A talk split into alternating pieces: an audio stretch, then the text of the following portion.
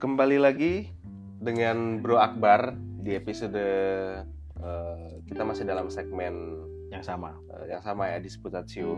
Ini kita masih bicarakan tentang politik praktis, teman-teman ya. Giat-giat menang menjadi dewan. ini kiat-kiat memenangkan Pemilu. eh, pertarungan pemilu ya. Ini nggak apa-apa di segmen disputasi ini nanti kita hajar ya argumentasi-argumentasi yang kemudian mungkin akan mengusik sense of morality kita ya. Nggak apa-apa, tapi kita perlu mendengar testimoni dari seorang eh, pelaku politik praktis yang memang berkecimpung di situ. Kita nggak nonton dari media, Ya. nggak baca buku para teoritikus, tapi ini benar dari orang yang eh, Ya, memang merasakan dan kemudian menjalani aktivitas itu. Ya. Oke bro, gimana kabar bro? Alhamdulillah sehat. Oke. Udah lama nggak pernah berjumpa. Kita santai aja. Oke. Kamu sharing pengalaman. Karena aku pernah ini bro. Gimana? Ini lucu. Hmm. Suatu ketika uh, ada diskusi di salah satu forum, di mana forum itu memang uh, mayoritas yang hadir itu tidak terlalu tertarik dengan hal yang teoretis. Hmm. Jadi salah satu kawanku presentasi tentang eh, politik ekonomi, sangat teoritis kan? Wah, Politik ekonomi. Pertanyaan yang muncul sangat tidak terduga. Bagaimana cara mengelola TKI? Bagaimana cara mengelola pertambangan supaya adil? Bagaimana, bagaimana dan bagaimana? Teknikal gitu kan? Ah, Nah, jadi teman-teman itu juga butuh based on testimoni ya ah. jadi pengetahuan testimoni yang kemudian itu bisa kita eh, anggap sebagai satu hal yang bisa kita yakini ya Hmm. sebagai pengetahuan yang valid gitu ya. Iya. Oke, silakan bro.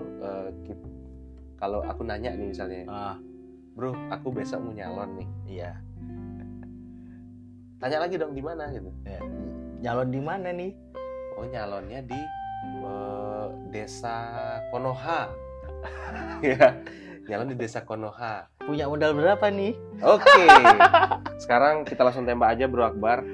Kiat-kiat menang pemilu itu gimana? Ini pemilu ini bebas ya. Ya bebas. Itu eh, praktik demokrasi. Mau jadi di pemilu ketua kelas juga nggak apa-apa. Enggak apa-apa, Di ketua tingkat OSIS RT, ketua OSIS juga nggak apa-apa. Iya, nggak ini bisa apa-apa. dipakai sama teman-teman kita.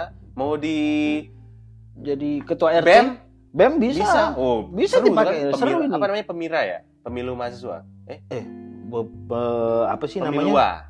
Ya, Pemilu mahasiswa ya. ya. Ya itulah di pokoknya. UGM juga rame itu kan. Ya, rame itu. Yang kemudian mahasiswa punya partai-partai di dalam Nah, kampus. ada partai Sirkandi. yang padahal partai itu adalah underbo dari ya oke oke eh, monggo bro Oke. Gimana nih? Masih kiat-kiat kiat. ya jawab aja pertanyaanku tadi Hmm. kalau aku Ya. menyalon itu gimana kamu sebagai pelaku politik praktis itu gimana Punya modal berapa? Oke Itu pertama pertanyaan berdasar ketika kamu mau terjun ke masyarakat. Punya Oke, modal sih. berapa? ini aku kan konteksnya itu eh, lurah ya ini kepala desa Ya, karena kepala desa tuh seru ya ya.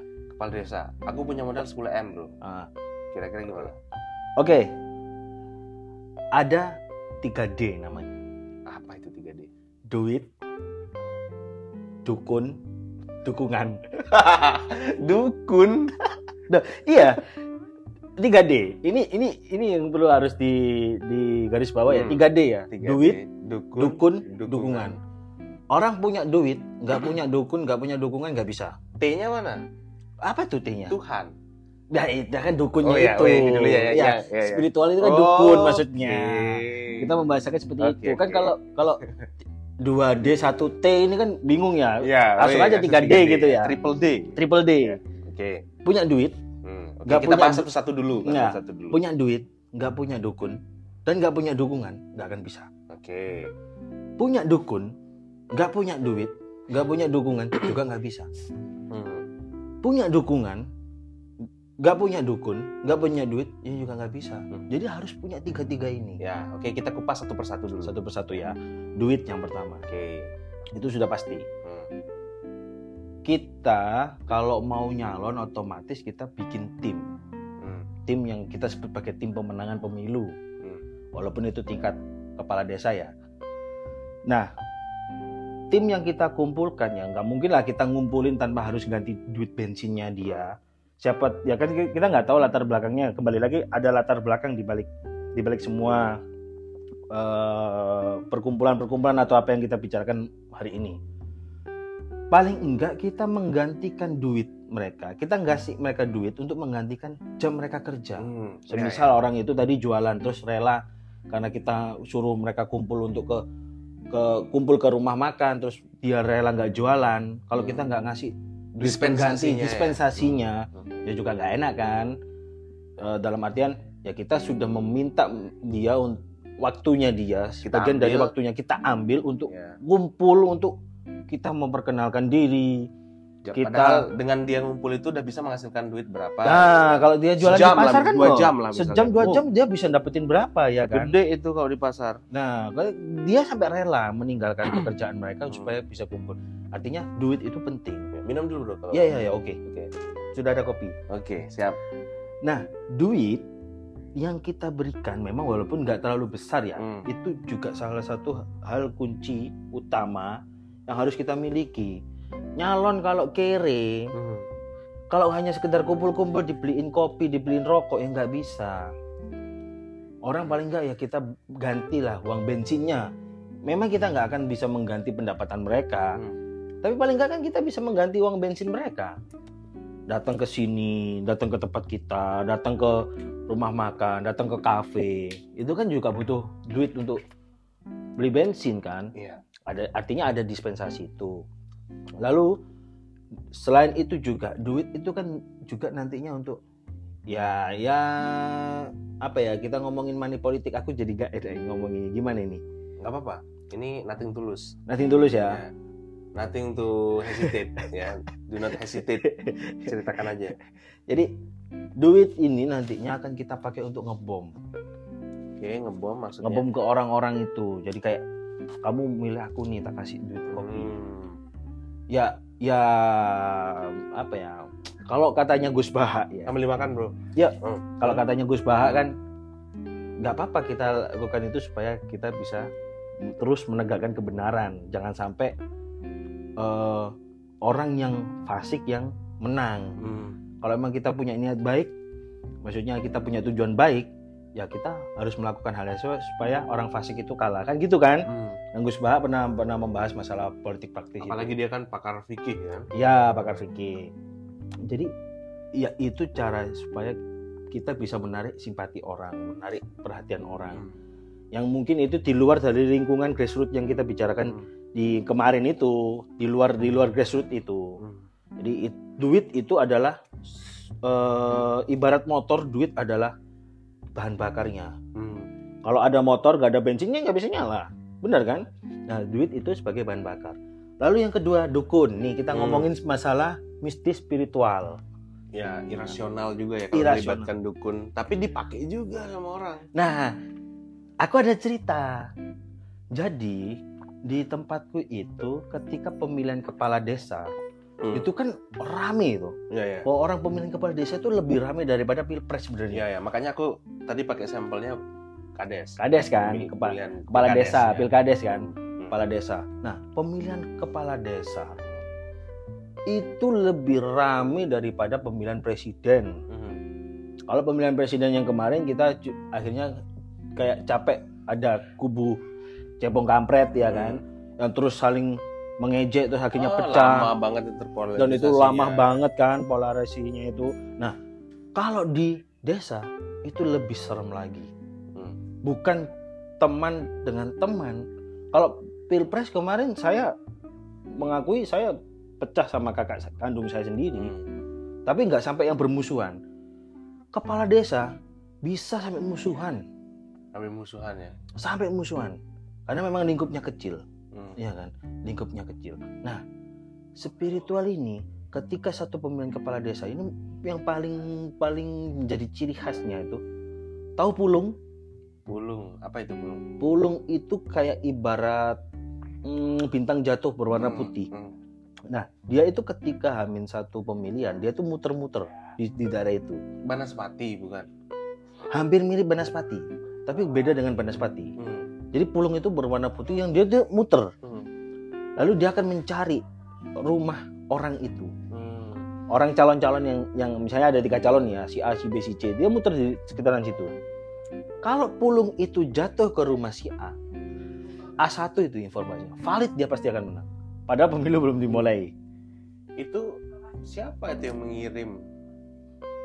Eh, kalau ngomongin siapa yang mengirim masyarakat itu eh, leb- gini Eh, yang yang beredar di masyarakat adalah pulung itu ada karena alam semesta ini menghendaki dia untuk jadi Wow, Itu. keren ya.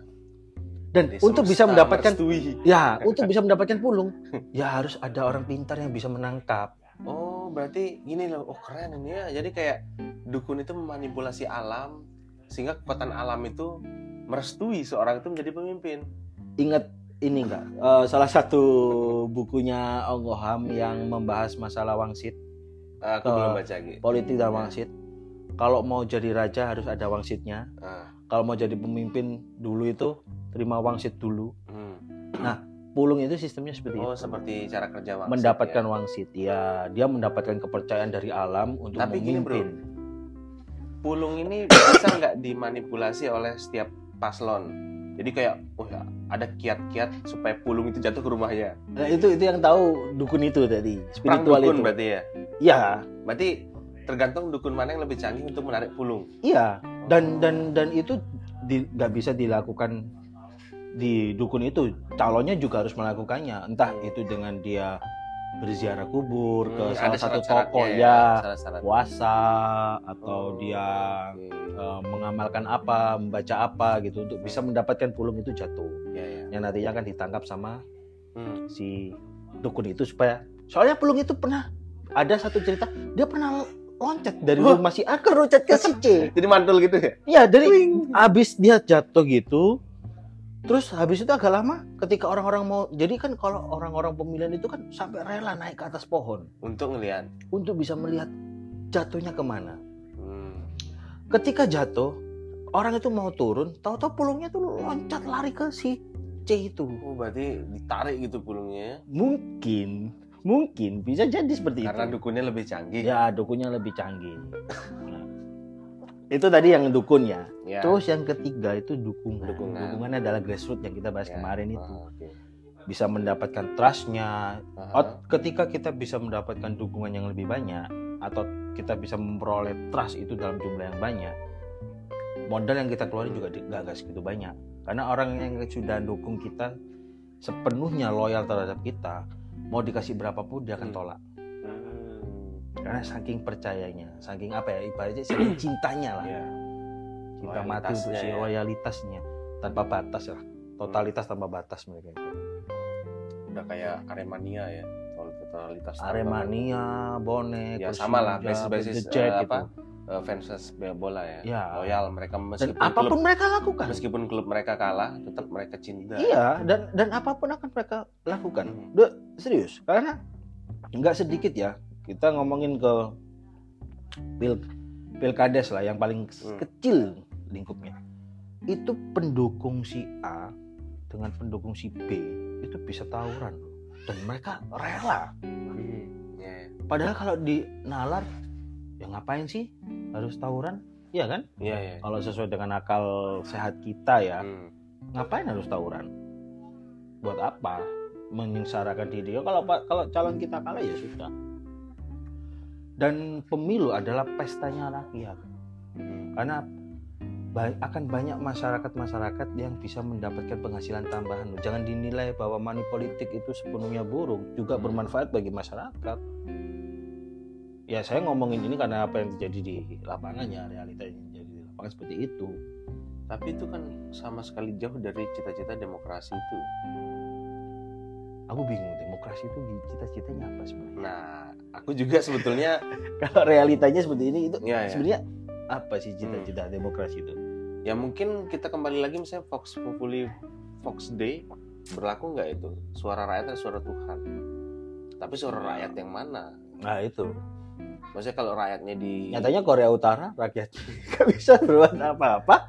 Iya atau kan? maksudnya gini bro kalau rakyat kalau suara rakyatnya itu kita sesuaikan atas dasar tujuan politik kita ya bukan suara Tuhan lagi dong suara dari Ya, akhirnya nanti para tokoh politik ah yang nanti akhirnya jatuhnya ada kepentingan ya memang selalu ada kepentingan. selalu ada Kalau kepentingan. kata Habermas kan eh, poli, eh, statement menarik diri dari politik itu sebetulnya jalan politik juga. iya Keputusan untuk tidak berpolitik itu keputusan politis. politik juga iya kan?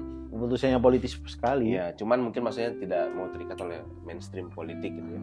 Oke, kita lagi-lagi nih ke eh, aku yang punya nyalon nih ya lagi ya. Berarti aku harus punya modal. Udah punya nih kan? Nah, Tadi udah punya modal nih 10 m kan? ya 10 m udah punya Nah, modal nih harus punya dukun. ya Oke, dukun.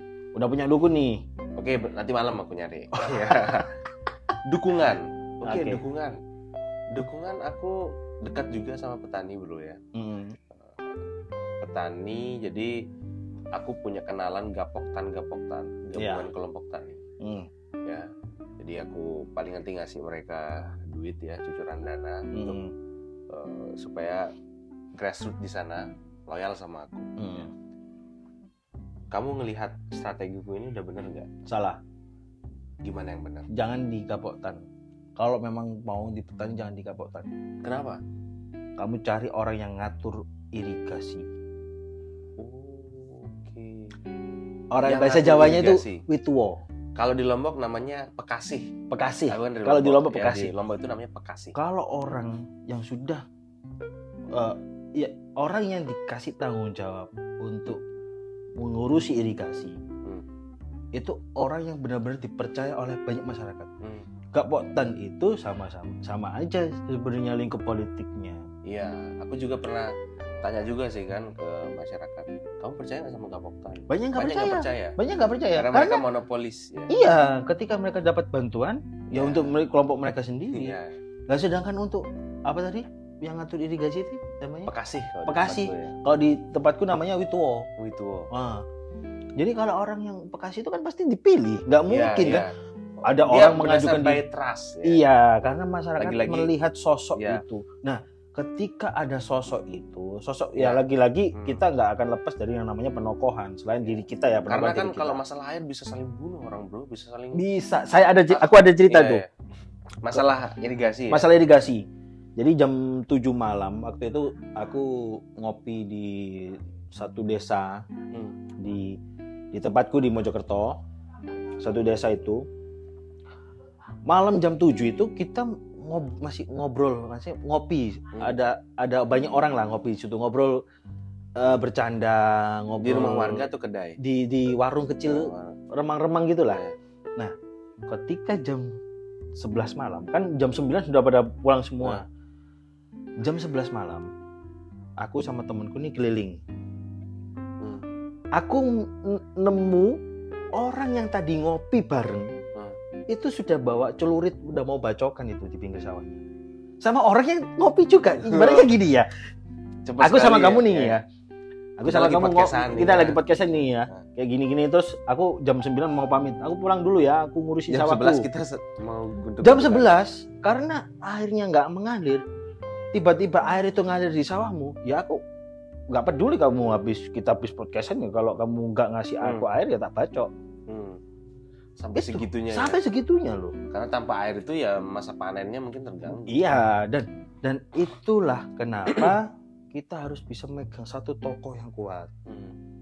tokoh yang biasanya ngatur irigasi air Ini kalau basisnya itu petani ya. petani kalau basisnya petani ya Berarti kuncinya kita harus pegang pegang salah satu tokoh yang kuat tokoh kuat namanya Wituo atau itu Bekasi, atau ya, Bekasi yang itu. ngatur irigasi, yang ngatur irigasi air yang mengalirkan air ke sawah-sawah petani. Ya, karena mereka juga akan tahu sebenarnya problem apa yang Dan sedang peta politiknya dihadapi dan peta ya. politiknya juga bagaimana. Ya. Selain itu dia akan bisa mengarahkan kita. Misalnya nih, kamu kenal sama yang si Pekasi ini ya. Eh, sama ya. Ya, terus si Pekasi ini ngasih kamu saran, "Dah, kamu belikan atau kamu beli itu eh, apa? sumur bor Hmm. nanti untuk bantu irigasi itu." Kamu beli, udah percaya udah Petani-petani itu ya. akan hormat dikasih uang nggak mau bahkan kalau kamu suruh datang jam 12 malam yuk datang ke rumahku berangkat Karena mereka melihat bentuk nyata ya. Jadi kak bentuk itu kan kayak eh, langsung bisa membayangkan jasa jasanya. jasa dari orang yang bikin sumur bor. Nah, Kalau Itu- uang kan mungkin ya kayak kayak gini lah contohnya ya. Hmm. Di bupatiku kan ketangkep masalah gratifikasi itu. Bupati Mojokerto. Iya. Oke. Terus keluarganya kan nyalon ya, Nah, naik, jadilah. Terus banyak yang heran. Kenapa? Padahal kan yang heran nih para mahasiswa-mahasiswa biasanya. yang orang pinter nih. Ya, wong pinter lah. Kenapa? Kan dia korupsi dan sebagainya. Masyarakat kenapa milih? Lah wong dia rumahnya jalan desa yang kecil, Hmm. yang kalau dilewatin motor, eh dilewatin mobil nggak bisa, harus pakai motor, yang jalannya berlumpur, itu aja dicor. Artinya masyarakat itu nggak peduli dia mau korupsi mau apa, Hmm. nyata.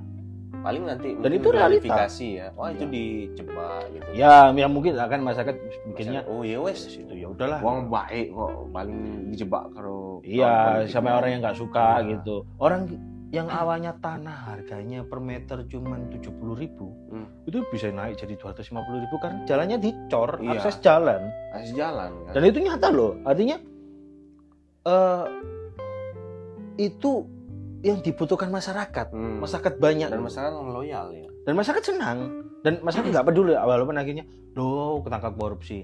Yang penting jalannya jadi sudah. Oke, berarti itu ya. Kita kita ambil trust dari grassroots masyarakat ya. itu grassroots. Oke, berarti terjawab, Bro. Jadi kalau para pengamat-pengamat itu kan mereka survei, oh ini korupsi, elektabilitas turun. Enggak, enggak, enggak, Pak, enggak belum tentu ya. Belum tentu. Karena memang orang sudah terlanjur percaya, terlanjur terlanjur mereka loyal, orang Iya. loyal. Oke. Dan ada kerja nyatanya gitu loh. Ya. Misalnya itu contohnya petani ya. Iya, Kalau kita ngomongin misalnya, eh, berarti aku harus beralih. Tadinya mau ke Gapoktan, tapi larinya ke kelompok eh apa? yang Salah satu tokoh tokoh masyarakat. yang mengatur air itu Iya. ya. itu juga itu juga berlaku untuk misal- misalnya kamu berada di suatu lingkup masyarakat Hmm. yang dia itu latar belakang spiritualnya bagus Hmm. Latar belakangnya spiritual lah ya masalah agama. Kamu deketin aja kiainya. Hmm. bisa kamu dapetin apa yang mau. Menang dengan mudah. Jadi kita harus jeli. Sebelum memilih memang kita punya duit ya bisa apa pun kita lakukan. Hmm. tapi juga bisa jadi itu blunder untuk kita kalah. Maka kita harus jeli dulu. Aku nyalon di daerah sini nih ini mayoritasnya petani berarti yang aku harus pegang adalah witua atau yang ngatur irigasi Hmm. kalau misalnya di satu desa itu ada pondok pesantren dan masa, banyak masyarakat yang hidup karena adanya pesantren Hmm. itu ya kita deketin kiainya Ya, gitu. kadang pesantren memang jadi pusat ekonomi juga ya, Bro. iya dan itu nggak bisa disepelekan Hmm. itu penting karena karena apa ya eh karena dengan adanya pesantren itu kan yang pertama biasanya orang-orang pesantren itu kan kalau anaknya orang situ sendiri Hmm. bisa lah QQ lah kita ngomongin Hmm. biayanya gitu jadi kan eh, ada fasilitas pendidikan Hmm. ya kan untuk masyarakat sana terus ternyata fasilitas pendidikannya juga terpenuhi mereka otomatis ketika kita bisa megang kiainya si wali santrinya ini yang ikut oh, ya Hmm. siapa kiai karena nggak akan ada yang berani ngelawan Hmm. nggak akan ada yang berani ngelawan Oke, berarti eh, menarik ini ya eh, para pendengar kalau kita dengar testimoni dari Mas Akbar ya. Jadi perlu kita kadang mengkaitkan antara teori yang kita pelajari di kampus ya dengan praktik di lapangan itu seperti apa ya. Karena mungkin ini menjadi masukan untuk teman-teman yang riset tentang elektabilitas. Iya, itu penting. Masukan variabel trust ini lebih diperhatikan. Ya karena kadang memang ya konsekuensi menerapkan suatu proses demokrasi dalam masyarakat yang paternalistik ya seperti itu. Artinya masih berpaku pada satu tokoh-tokoh tertentu ya Ya. untuk mencapai satu tujuan oke thank you bro oke Eh, semoga episode ini bisa membuka wawasan kita ya meskipun ada yang akan menggunakannya secara praktis ya itu terserah karena kami tidak bisa menginterup- menginterupsi isi kepala para pendengar ya. Ya. Dan jangan pernah anti politik sebenarnya sih. Oke. Kalau kita punya Jangan tujuan baik, apolitik. ya jangan jangan apolitis karena kalau kita punya tujuan baik, ya memang memang kita kembali lagi ke Machiavelli. ya. Nggak peduli dengan caramu, yang penting tujuanmu tercapai, kan gitu kan. Hmm. Dan itu itu realita yang terjadi di sekarang ini. Kamu mau pakai cara apa pun yang penting kalau kamu punya tujuan baik, lakukan. Dan jangan pernah apolitis.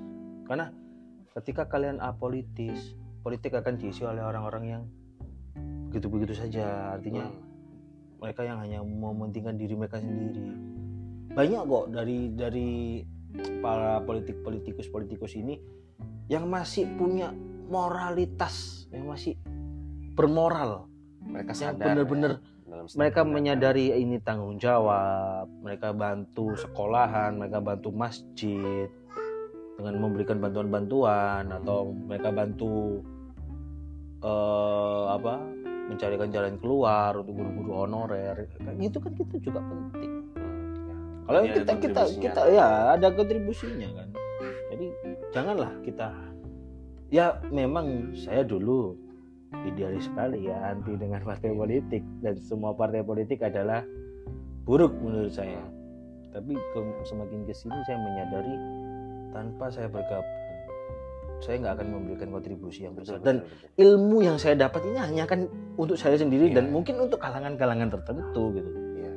Kita akan berdiskusi soal liberalisme, Ya, mungkin soal PR terbesarnya ya merawat idealisme dalam belantara itu. yang sangat tak bertepi itu ya. Oke, semoga eh, Bung Akbar selamat dalam merawat idealismenya di tengah jalan Siap. politik yang ditempuh sekarang. Ya, Saya sebagai kawan eh, bisa mengingatkan dan sering-sering isi podcast saya supaya tetap waras ya. Oke, thank you bro. oke siap.